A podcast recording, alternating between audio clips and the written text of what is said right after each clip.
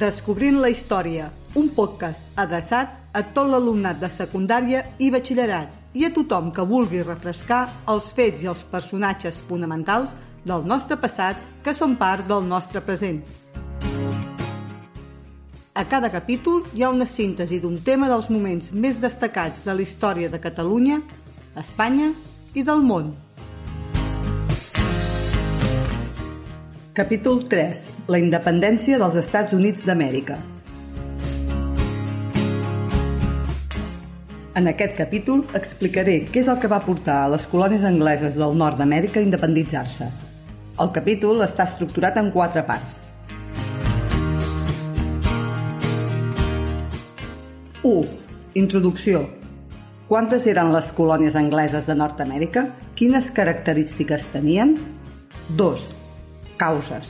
Quins fets van portar a l'esclat del conflicte? Quin va ser el detonant? 3. El conflicte pròpiament dit. Com es van preparar les 13 colònies per fer front a la guerra? I a la independència? Com va ser aquesta guerra? Quins bàndols hi va haver? Com es va desenvolupar? I finalment, com va acabar? La pau. Apartat 4 un cop aconseguida la independència, com s'organitza aquest nou país anomenat els Estats Units d'Amèrica? Apartat 1. Introducció. Característiques de les colònies angleses del nord d'Amèrica. Els colons anglesos havien començat a arribar als territoris americans sobretot al llarg del segle XVII i havien anat ocupant diferents territoris, no eren un grup homogeni, hi havia dissidents religiosos, aventurers, però també homes i famílies que, animats pel govern anglès, havien anat cap a les colònies per tal de poder millorar les seves condicions de vida. De fet, Anglaterra va animar aquesta migració, ja que va ser una de les maneres d'intentar reduir l'atur i així evitar els conflictes. A finals del segle XVIII ja trobem 13 colònies establertes a la costa est d'Amèrica del Nord i habitaven uns 4 milions de colons, a part de l'idioma, l'anglès, eren força diferents entre elles, tant a nivell econòmic, cultural com fins i tot religiós. Les podríem agrupar en dues zones geogràfiques diferenciades. Les colònies del nord i del centre, on hi trobem, entre d'altres, Nova Anglaterra, Nova York, estaven habitades per petits propietaris agrícoles que es dedicaven a una agricultura i ramaderia de mercat. També hi havia algunes manufactures i un comerç molt actiu. Eren colònies densament poblades, i les ciutats més destacades eren la capital de Pensilvània, Filadèlfia, la de Nova York, Nova York i la de Nova Anglaterra, Boston. Les colònies del sud, com Virgínia, Carolina o les dues Georgies, es dedicaven principalment a l'agricultura de plantació. Plantaven cotó, tabac i funcionaven amb mà d'obra esclava. Eren colònies més extenses, però menys densament poblades. Apartat 2. Causes. Abans, però, d'explicar les causes, cal fer esment a la Guerra dels Set Anys d'Anglaterra contra França, del 1756 al 1763. Aquest conflicte, tot i que va acabar amb la victòria per Anglaterra, també li va suposar un enorme esforç econòmic. A l'acabar el conflicte, la monarquia anglesa es trobava arruïnada i havia de trobar fonts d'ingressos, i les colònies eren un d'ells. El descontentament dels colons té una doble vessant, econòmica i política. A nivell econòmic, per tal de recaptar diners, el Parlament havia aprovat el monopoli comercial i impostos molt alts, especialment a les colònies. Què és el monopoli comercial? Doncs el Parlament anglès havia prohibit a les colònies que tinguessin cap tipus de relació comercial pel seu compte. Per fer transaccions comercials ho havien de fer a través de les companyies angleses. Per altra banda, el Parlament va implantar impostos molt alts. Especialment va molestar molt el que es va aprovar el 1765, l'Stamp Act, que imposava un impost a tots els documents i de publicacions que es fessin. Diaris, cartes comercials, revistes... Havien de portar un segell de la corona anglesa, que s'havia de pagar. Aquest impost va haver de ser retirat degut a les protestes.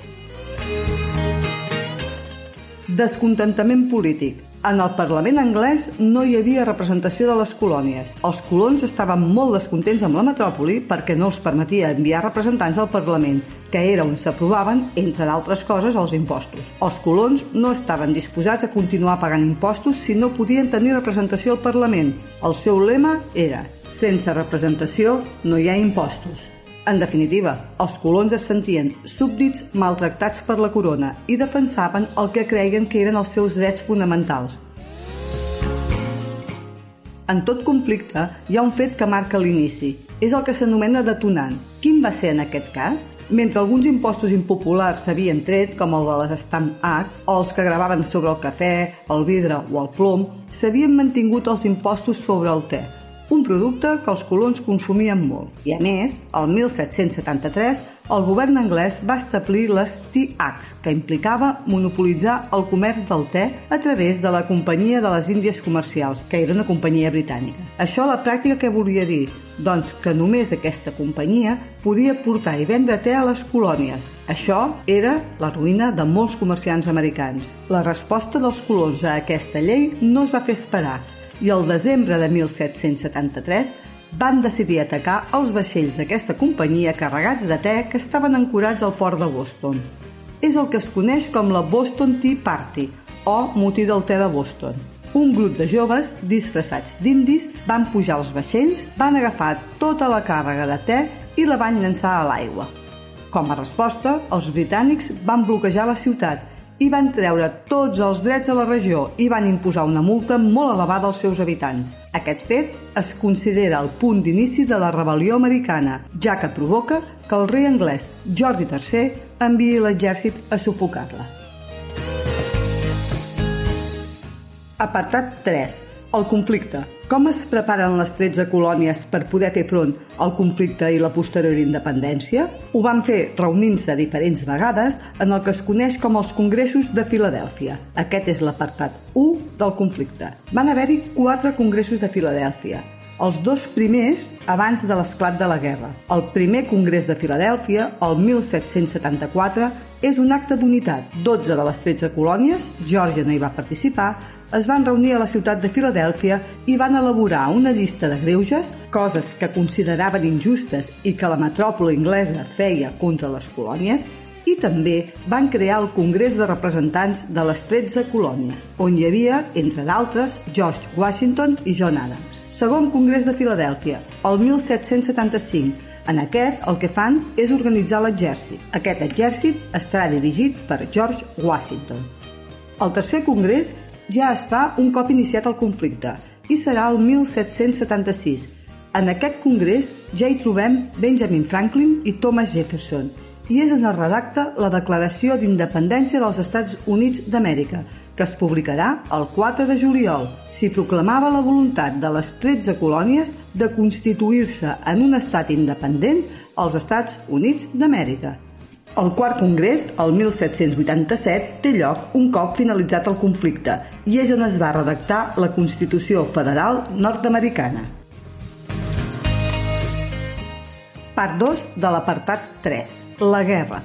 El conflicte fou llarg. Va durar 7 anys, del 1775 al 1782, i es van enfrontar l'exèrcit continental, creat en el segon congrés de Filadèlfia sota el comandament de George Washington, i l'exèrcit britànic. Podríem dividir aquest conflicte en dues etapes. La primera etapa aniria del 1775 al 1777. En aquesta etapa ens trobem un exèrcit continental, el rebel, que no estava tan ben organitzat com el britànic i a més estava format per homes que no estaven acostumats a seguir ordres. En els enfrontaments convencionals, aquest exèrcit sempre tenia les de perdre. És per això que es va iniciar una tàctica de guerrilles, què vol dir això d'una tàctica de guerrilles? Vol dir que no hi haurà enfrontaments directes entre els dos exèrcits, sinó que el que farà l'exèrcit continental serà bloquejar les línies de provisió de l'exèrcit britànic, fer atacs selectius, en definitiva, anar minvant a poc a poc el que seria l'exèrcit enemic. Aquesta tàctica de guerrilles, més la millora en la seva organització, va portar a l'exèrcit continental a les seves primeres victòries. La més important, la de Saratoga, el 1777. Aquesta victòria va donar un gran impuls a la insurrecció. Al final d'aquesta etapa, França va donar suport als rebels. Era una manera de debilitar el seu enemic principal per l'hegemonia europea. També donaran suport als colons rebels a Espanya. Amb això, Espanya el que buscava era que Anglaterra perdés pes colonial. De totes maneres, l'ajuda espanyola serà molt discreta, només amb ajudes econòmiques, no enviarà persones, ja que temia que la rebel·lió que estava passant als territoris americans es contagiés a les seves colònies. Segona etapa del conflicte, del 1778 al 1782. Amb l'ajuda francesa es va aconseguir tallar del tot les vies de proveïment de l'exèrcit anglès. Això va suposar que l'exèrcit anglès tingués problemes per alimentar les tropes, per pagar les tropes i també per armar-se en condicions. Això va ser essencial per la derrota anglesa a la batalla decisiva de Yorktown, l'octubre de 1781, la intervenció estrangera, sumat a la creixent professionalització de l'exèrcit dels colons americans i el suport incondicional de la població, van provocar la derrota definitiva d'Anglaterra el 1782. La pau. La pau es va restablir amb el Tractat de Versalles, el 1783. En aquest tractat, Anglaterra reconeixia la independència dels Estats Units d'Amèrica. A més, va haver de cedir alguns territoris a França, i també a Espanya, que recuperava la Florida i Menorca, però Espanya va fracassar en l'intent de recuperar Gibraltar. Apartat 4. Els Estats Units d'Amèrica. I com es va organitzar aquest nou estat? La guerra d'independència d'aquestes 13 colònies contra la corona britànica també és una revolució liberal, ja que després de la victòria definitiva, els Estats Units establiran un sistema polític basat en la divisió de poders i això ho veurem amb la Constitució redactada el 1787. És la primera Constitució promulgada en el món que duia totalment a la pràctica els principis teòrics de sobirania nacional i la separació de poders. En definitiva, posava a la pràctica el liberalisme polític.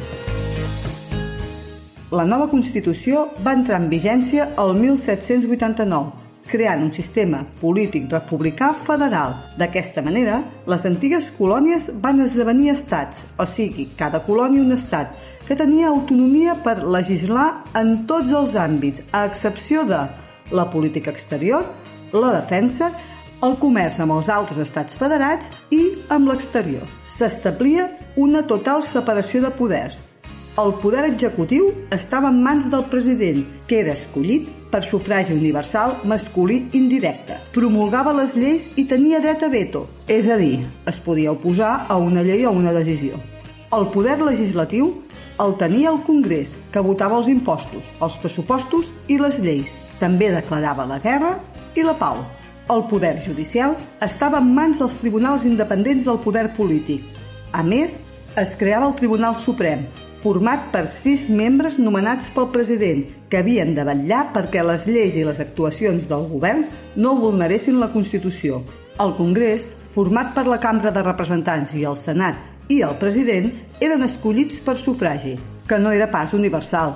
De fet, només votaven els ciutadans considerats electors, i aquests eren els homes propietaris blancs més rics, la resta, dones, petits propietaris blancs, no propietaris, població negra i índia no votaven.